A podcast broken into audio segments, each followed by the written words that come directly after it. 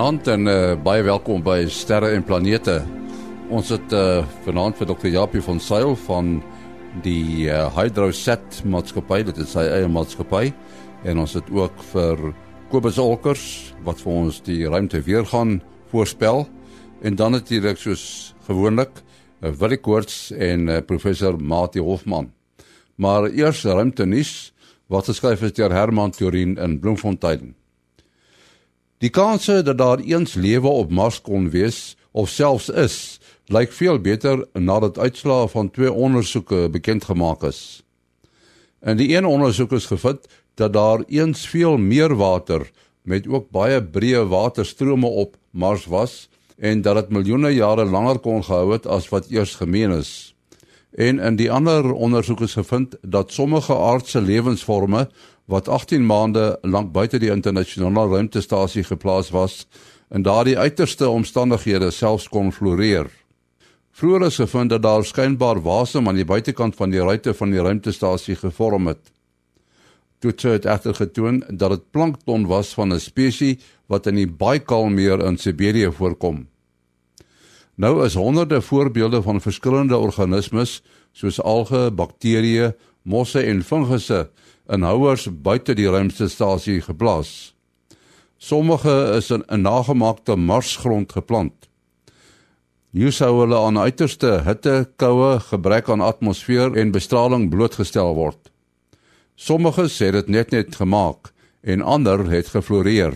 Dit dui aan dat hulle onder soortgelyke omstandighede ook op Mars sal kan oorleef. Die projek het 'n lewe geblaas in die idee dat die volgende generasie ondersoeke op Mars die vind van lewe ten doel sal hê. Indien lewe gevind sou word, sal dit waarskynlik eensellige ondergrondse organismes wees of hulle sal in vlak soutwater voorkom. Intussen het 'n nuwe ondersoek getoon dat Mars nog tot ongeveer 2 miljard jaar gelede oor riviere beskik het wat wyer gevloei het as wat enige rivier vandag op aarde is. Voorheen is gemeen dat Mars so 3,5 miljard jaar gelede uitgedroog het. Die studie het daartoe gelei dat verskeie opvattinge nou onder druk is. Soveel vloeiende water vereis 'n redelike warm klimaat, waar destyds het die son nog maar 25 tot 30% soveel warmte uitgestraal as vandag. Die studie toon inderdaad dat Mars in sy vroeë geskiedenis meestal droog en baie koud was. 'n NASA-projek wat ten doel het om wooneenhede met 3D drukwerk te ontwerp en te bou wat geskik sal wees vir die bewoning op Mars, nader nou sy einde. In die jongste fase moes modelle van die voorstelle gebou word, maar wat ook uitmekaar gehaal kan word om die benutting van die binneruimtes behoorlik te kan bestudeer. In die volgende fase moet die deelnemende maatskappye subgrootte modelle van hulle strukture bou. Een van die deelnemers se planne sluit in dat die 3D-konstruksie gedoen word deur materiaal wat die robotte wat ingespan word op Mars self bymekaar maak. Tot sover ruimte nuus geskryf deur Herman Turin in Bloemfontein. Nou kom ons alkers met ruimte weer nuus. Goeienaand en goeienaand luisteraars. Ja, hier sit ek nou so ewe vanaand hier in Suid-Afrika en ehm um, Ek doen my my ruimteweer voorspelling hier uit Pretoria uit. En wat het ons hierdie week wat ons vir ons wag? Eerste ding wat ons natuurlik raak gesien het op die son is 'n 'n klein magnetiese komplekse areaetjie. Hy is natuurlik nou nie so kompleks nie. Hy is om die waarheid te sê 'n pragtige dipool. Uh sy nommer is 2737 en hy behoort nog aan die ou siklus, die vorige siklus van die son. Ons het al sowel so hier en daar 'n uh, 'n nuwe siklus uh, magnet magnetiese areas gesien verbykom. Hulle is natuurlik die ouetjies wat met die noordpool voorloop. En maar hierdie een is definitief nog een van die oues en hy's ook baie eenvoudig. Hy lyk mooi as mens nou na die na die sonbeeld kyk, maar hy gaan geen effek hê op ons ruimte weer hier op aarde nie. Dan het ons natuurlik nog 'n 'n kroon korona 'n kroon korona gat bo noord en suid van die son die ouetjie sit daar. Ons het verlede week van die suidelike ene 'n bietjie sonwind ver, verhoogde sonwindspoed gekry wat vir ons so 'n bietjie auroras gewys het. En dan het ons 'n ander enetjie wat nou baie meer geo-effektief sit. Hy sal nog geo-effektief wees tot so dinsdag se koers toe. En as ek nou so na hom kyk lyk dit my hy's noordwaarts gepolariseer so hy gaan vir ons ook nie veel van 'n probleem gee wat wat uh, effekte hier op aarde betref nie. Dan het ons twee filamente, albei sit baie ver noord op die son, ook geen geo-effektiwiteit in hulle geval nie. En dit lyk asof daar 'n klein koronagatjie hier soort van Woensdag se koers af gaan geo-effektief raak. Uh hy lyk negatief uh georiënteerd en ek dink ons gaan van hom dalk 'n bietjie mooi auroras te sien kry mag omtrent geen effekte op enige kommunikasie of so iets nie.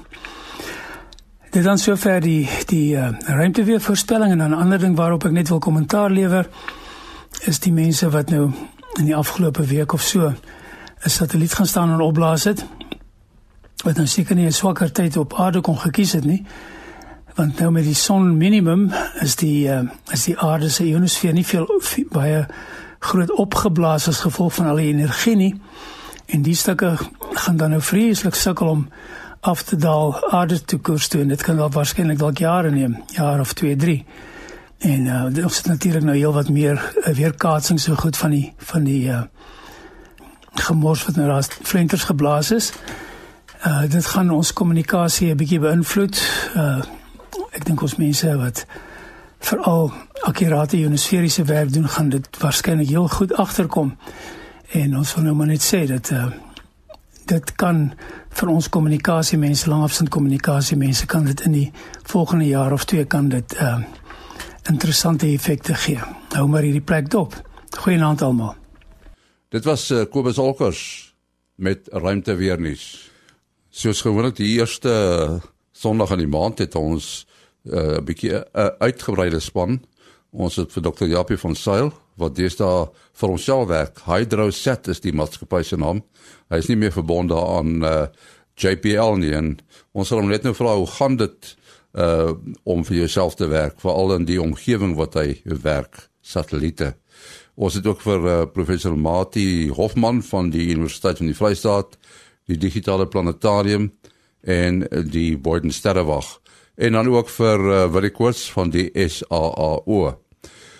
Ja, by ons uh, het uh, verlede keer toe ons gepraat het, dit is nou 'n maand gelede toe jy nou so pas begin uh met jou nuwe maatskappy Hydrosat. Miskien is daar mense wat nie mooi gehoor het nie. Vertel ons net uh wat is Hydrosat presies en wat beoog jy daarmee? Ja, ehm um, Henny, Hydrosat is 'n uh, idee waar ons, sal ek maar sê, die koers sal meet van plante groei om die aarde. Uh as plante heeltemal gesond is en genoeg water gekry het en so voort, dan haal hulle asem. Jy weet dat as jy in 'n in 'n woud gaan stap, is dit lekker koel in die woud dit is wat die sogenaamde evapotranspiration wat van die plante afkom hulle al asem hulle laat uh, die blare koel bly. Wanneer plante dan uh, minder water het en so 'n bietjie gestres word dan um, raak hulle temperatuur hoër. Hulle hou op om so goed asem te haal en die temperatuur raak hoër en, en wanneer hulle nou werklik gestres is dan hulle heeltemal op asemhaal Uh nou mense het al baie jare probeer om die plante se se gesondheid dop te hou deur te kyk 'n sogenaamde klorofil te kyk om te sien hoe groen is die plante. Maar ons weet mos almal as 'n plant wat droog geraak het, kan maar begin in mekaar hang en dit vat 'n hele rukkie voor die blare geel raak voordat hy um, jy weet nadat die plant nie meer water gekry het nie.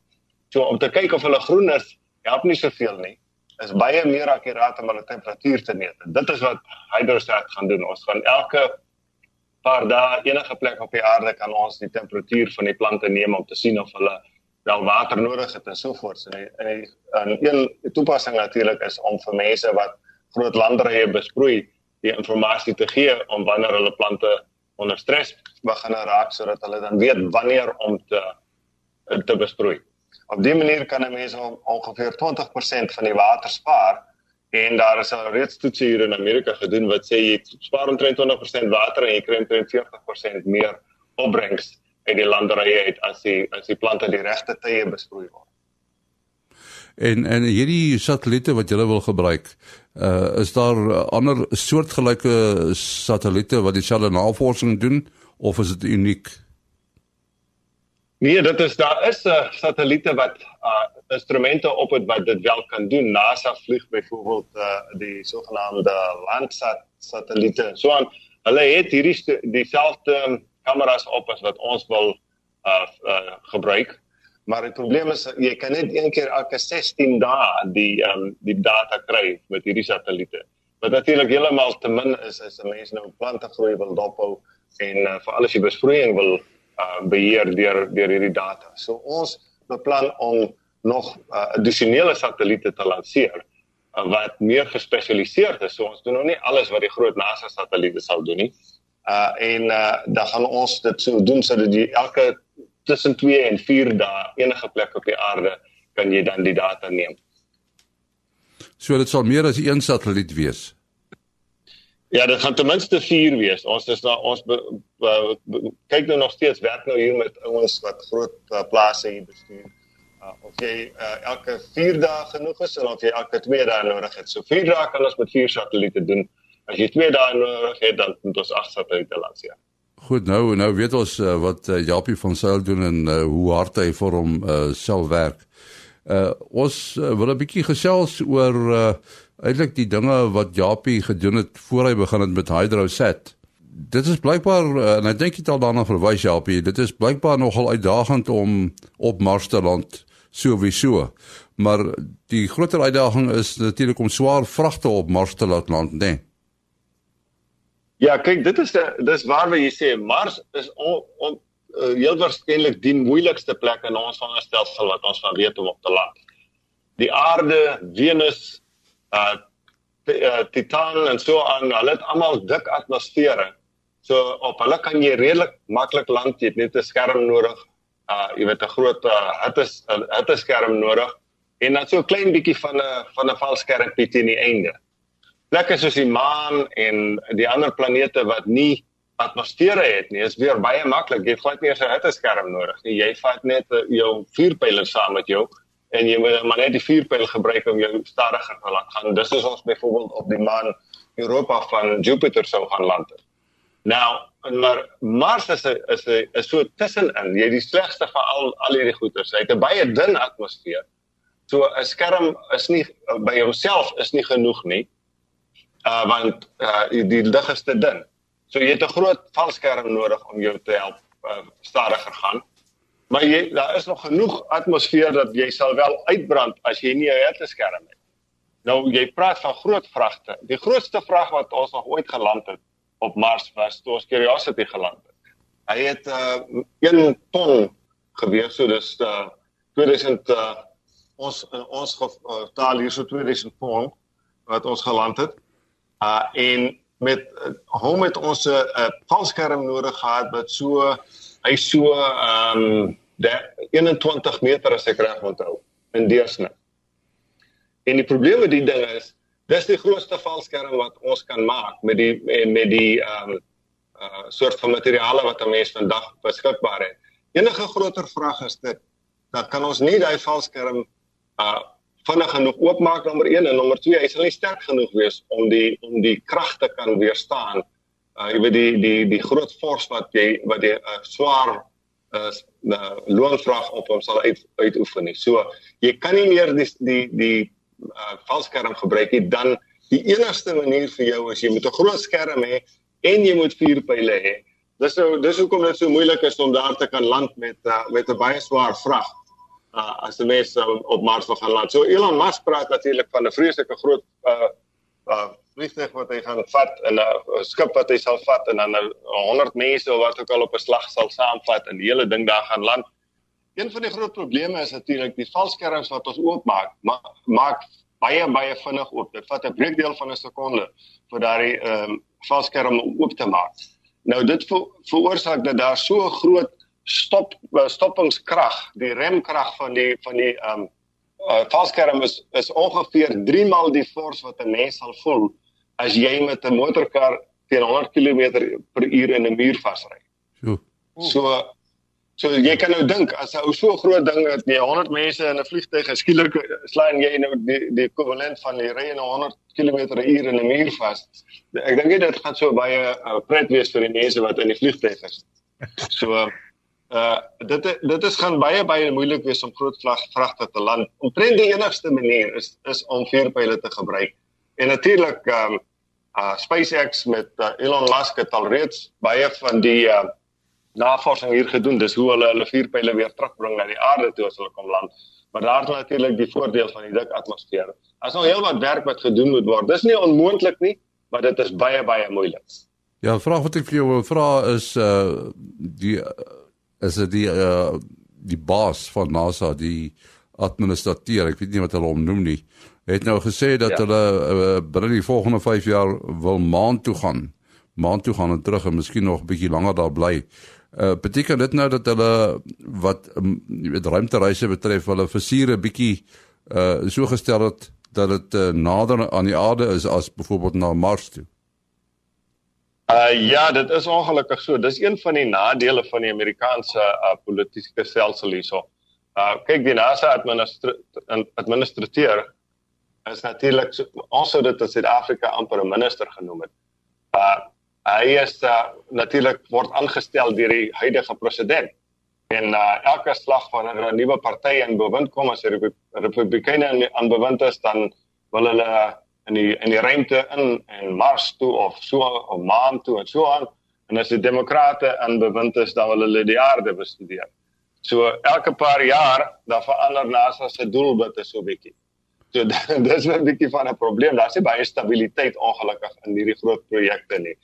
Uh en dis nou maar een van daai gevalle waar daar's nou die die die Mars fokus gaan nou so 'n bietjie afgedry word vir die, vir die, vir die mense. Dis nie vir 'n wetenskaplike stellings nie van vir sogenaamde human space flight.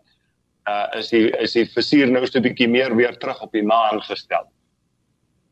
Is dit nie meer sinvol nie? Ja, dit is natuurlik waaroor die sal ek maar sê die maanmense nou weer 'n bietjie die oorhand gekry het. Dit maak meer sin om te sê kom ons gaan bou eers infrastruktuur op die op die maan. Dis net 'n paar dae ver met 'n met 'n vuurpyl ingeval iets verkeerd loop en so en so voort.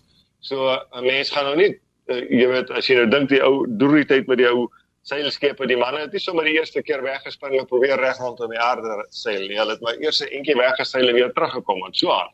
So as 'n mens die model volg, dan is dit maak baie meer sin om eers infrastruktuur op die maan te gaan bou, leer hoe gaan jy na ander plekke toe, hoe bou jy goed in die ruimte en so aan voordat jy nou al die pad Mars toe gaan. En uh mense kan natuurlik ook dan die maanbasis gebruik as 'n halfwegstasie en so aan as jy nou op pad is na Mars toe en so voort. So dit maak baie sin om uh byvoorbeeld goed op Mars te gaan doen. Nou die ouens wat die wat sal ek ag op, op die maan te gaan doen.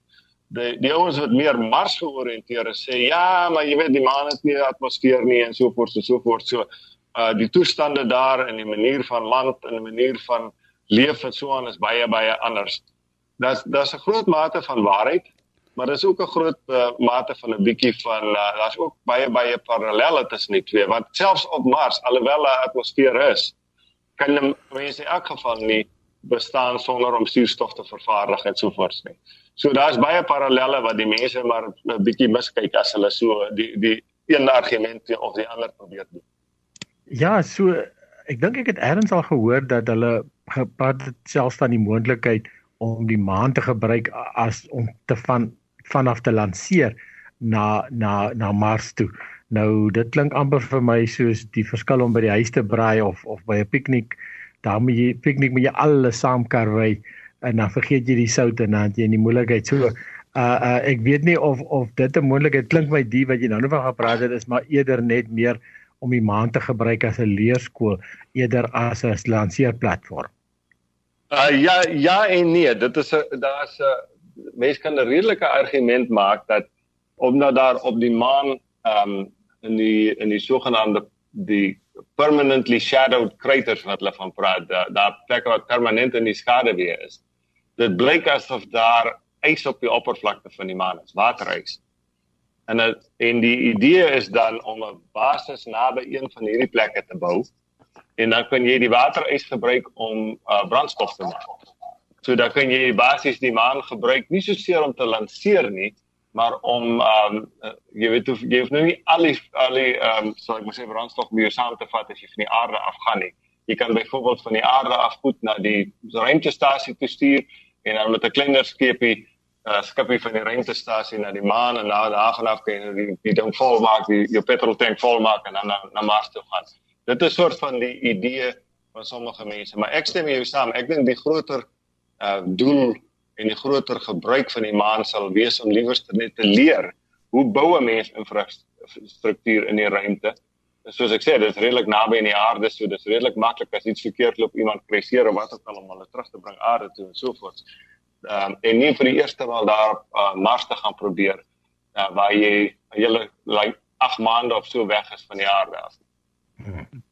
Die uh, terwyl uh, Japie nou verwys het na infrastruktuur bou op die maan. Uh ek het nou die afgelope week of twee uh gelees van die Kanadese wat ook betrokke wil raak by die Amerikaners se projek en lyk my van spesifieke belang is daar die uh robotiese arm wat uh, uh Kanada arm hulle dit noem wat hulle ook by die soortgelyke patent by die ruimtestasie gebruik wat nou uh, wat nou van die half van nou een van die konstruksie. Uh dis reg ja, kyk die ruimtestasie op die oomblik, die internasionale ruimtestasie, uh die robotiese arm wat daarop is, is deur Kanada verskaf. En uh die robotiese arm wat ons altyd deur die tyd nog op jou space shuttles gebruik het, het ook van Kanada gekom. So hulle is 'n uh, soort van sal ek maar sê die die ehm um, die uh aandeelhouer van die van die uh, robotiese arms en en ek het aange, ek het gesien hierdie week hulle het aangekondig dat hulle ehm um, definitief uh uh saam met NASA wil maak as hulle nou hierdie infrastruktuur op die maan gebou en en natuurlik een van die dinge wat hulle wil verskaf is die robotiese arms. Dit is natuurlik 'n slim plan van hulle af want dit beteken hulle hulle hou die voorsprong uh, ander mense kry nie die kans om hulle uh, uh, robotiese arms ook te gaan uittoets en so voort nie. Maar dit is 'n is 'n baie goeie samewerking wat uh, NASA al vir jare met die Kanadese uh, ruimteagentskap het. So dit ek dink dit is 'n baie goeie ding dat hulle ook deel is saam. Ja, ek wil jou vra, wat dink jy van hierdie ding dat Indië die satellietvlenters geskiet het? Uh ja, hulle is nou die derde land uh, wat uh, ons van weet wat al so iets gedoen het uh Amerika het natuurlik lankal al so die ding gedoen en nou so nou is ons kwaad vir almal wat dit ook doen.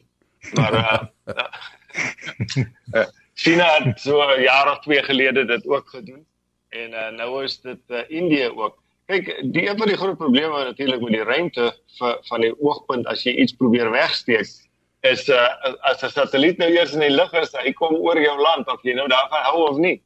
Uh, en so as die manne nou uh, iets het wat hulle nou nie daarvan hou dat 'n ander ou se satelliet hulle bekyk nie, dan wil hulle die die ehm um, die vermoë hê om soort van die goeders te kan afskiet. Ek dink natuurlik dis uh, baie jammer dat uh, ons nou tot al in, in die diepste ruimte nou al begin uh, met mekaar se goeders te kan breek en te kere gaan. Uh maar nou ja, Indië het nou bewys hulle kan dit ook doen. Ja, hoe die baan hoogtes verskil van daardie drie gevalle. Ek weet die een van Indië was nou in die uh, la naby aarde baan uh van die satelliete en dis nou juist waar die ruimtestasie, al die ruimtestasie is nou 400 km hoogte en uh die ander dalk so 'n bietjie hoër. Uh nou die geval van uh China en Amerika uh wat nou op satelliete stukkend geskiet het. Was dit ook in 'n in die naby aarde baan of was dit bietjie hoër Uh ja, hulle was maar almal in die naby aardebaan. Ehm um, uh, ek as ek reg onthou, ek kan nou nie presies onthou nie, maar ek dink een van hulle was uh, ongeveer 800 km. Ehm um, die die die doel wat uiteindelik sal ek maar sê is seker het ek eendag gelees is om seker te maak dat jy goed in die so sogenaamde geostasionêre stasionêre baan kan afskiet. Dis natuurlik 35 000 km. So dis 'n hele eind weg.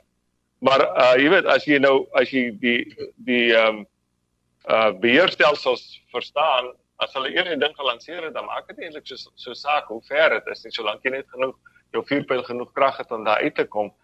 Ehm um, dan kan jy dit nog steeds doen. Die die groot uh sal ek maar sê die groot na, die vrees wat mense het is dat jy weet jy het goeie soos kommunikasie satelliete en so voort. Ehm um, of die GPS satelliete en so meer. En as jy ons nou begin hierdie goeters afskiet dan dan gaan dit nou nie 'n baie goeie ding wees van baie mense jy soveel stelsels op die aarde deesdae maak staat op die feit dat hulle 'n GPS satelliete moet gebruik of vir die, die ekwivalent van van Europa en Rusland en, en selfs Indië wat nou ook sulke satelliete opstel. En as mense met die goeters gaan staan het Peter daarbo dan gaan dit nou nie 'n goeie ding afgee op die op die op die ou end nie. So ek is baie daarteen gekant. Ja. Die groot die groot probleem natuurlik hier is die hoeveelheid ruimte rommel wat jy skep. En Natuurlijk, dan ja. kom jy op 'n stadium waar jy 'n weghol situasie het want uh, sodra jy uh, genoeg ruimte rommel het, uh, dan tref dit ander satelliete, die satelliete uh uh, uh spat weer uitmekaar uit met nog meer ruimte rommel en dan kry jy vermenigvuldiging effek en dan kort voor lank dan is 'n hele 'n uh, uh, stuk van die ry van die ruimte is is onbruikbaar want daar's net te veel ro rommel. Ja, ja, dis natuurlik waar wat jy sê, dis nou nie soos op die aarde as jy iets stukkend skiet, dan val die goedjies terug op die aarde onmiddellik nie. Dit in die ruimte vat dit baie lank en al daai stukkies die mense het 'n groot projektiel nodig om 'n satelliet uitmekaar uit te skiet ongelukkig. So. Ja, ja nee, want ek het al foto's gesien van uh, uh byvoorbeeld die voorruit van die pendeltuig uh wat lyk soos 'n klein kratertjie en dan reken hulle dis 'n stukkie verf wat ja. daar in die ruimte gery het en en ek meen die relatiewe spoed hier is is 'n paar duisend kilometer 'n uur relatief tot mekaar. So dit ja. het jy het 'n redelike projektiel wat rond ronddryf daar. Ja, ja, hierso in die vroeë uh, era van die uh, ruimte eeu het die mense gedink die ruimte is baie groot en uh jou satelliete is maar baie klein. Uh met die gedagte wel, die kans dat hulle kan bots teen iets is is is is baie klein. Wat is toe nou 'n uh, wetenskaplike met die naam Kessler wat agter hierdie idee van die vermenigvuldigingsfaktor, die weghol proses wat hulle nou die Kessler effek noem uh weer vorendag gekom het wat die uh, een desintegrasie dan daardie effek kan uh, tot lei wat uh, Willie uh, uh, beskryf het. Uh, as die mense dan nou wel een of ander eksperiment moet doen, uh, sê nou maar om iets met uh, dooie satelliet te doen, dan moet hulle seker maar eerder eksperimenteer in bane wat nie so dig bevolk is soos naby die aarde en in die geostasionêre baan nie. En in in die drie gevalle uh soos Japie ook gesê het, was dit nou almal hier in, in naby die aarde waar daar die meeste satelliete is. Die ruimte rommel raak alreeds sonder al hierdie stukke wat ons nou van praat, is dit alreeds 'n probleem wanneer mense nou goeders lanseer. Um uh, ek onthou toe ek nog in die uh, in die aarde navorsing hier by die, by JPL gewerk het.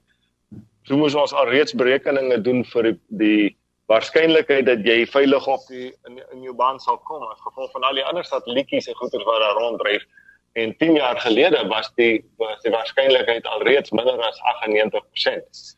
So jy weet um, dit raak 'n bietjie bietjie um, vol vol rommel daarbo en hierdie nou deesdae al hierdie CubeSats wat mense lanseer, maak dit natuurlik baie meer. En uh, en ja, so dit is 'n baie slegte situasie as mense al hierdie goeders begin stukkend skiet en en die stukke daar ronddryf. Maar maar natuurlik as jy nou so iets aanvang, dan weet die hele wêreld dit, nee, as jy iets stukkend skiet. Ja nee, dit dit is onmiddellik uh, duidelik dat dit gebeur het. Nou die eerste persoon wat gaan uit 'n uh, 'n manier uitwerk om die rommel bymekaar te gaan maak, gaan natuurlik baie ryk word. So daar's baie ouens wat probeer om uit uh, hierdie ding uit te werk. Hoe kan ons so 'n die ekwivalent van 'n van 'n ruimte stofsuier maak dat ons kan nou opgaan en hierdie goed gaan bymekaar maak? Ja, miskien moet julle dieselfde tegniek gebruik as wat julle asteroïdes wou gaan vang met uh die, die JPL projekte. Ja, dit sal nogal pret wees om met die met die groot sakke aan toe te gaan die die uh dit is 'n ruimteveil goed sak, ja. ja. Die probleem is net die Lego blokkies lê die hele huis vol. ja. Dis jy moet dan elke hoekie loop al en uh, dit is nie so dis die ruimte is groot nog steeds. Ja. Ons uh, moet ongelukkig halter op daar uh Japie jou uh, besonderhede. My e-posadres japiejpl@gmail.com. japiejpl@gmail.com. En dan uh Mati 0836257154. 0836257154. en dan Willie 0724579208. 0724579208. En dan my e-posadres maas.henny@gmail.com maas.henny@gmail.com Ons het nou nie luisteraars briewe beantwoord in uh, vandag se program nie maar uh, dit is dan ook die adres wat jy moet gebruik as u uh, vra aan die uh, span wil stel. maas.henny@gmail.com. Tot volgende week. Alles van die beste.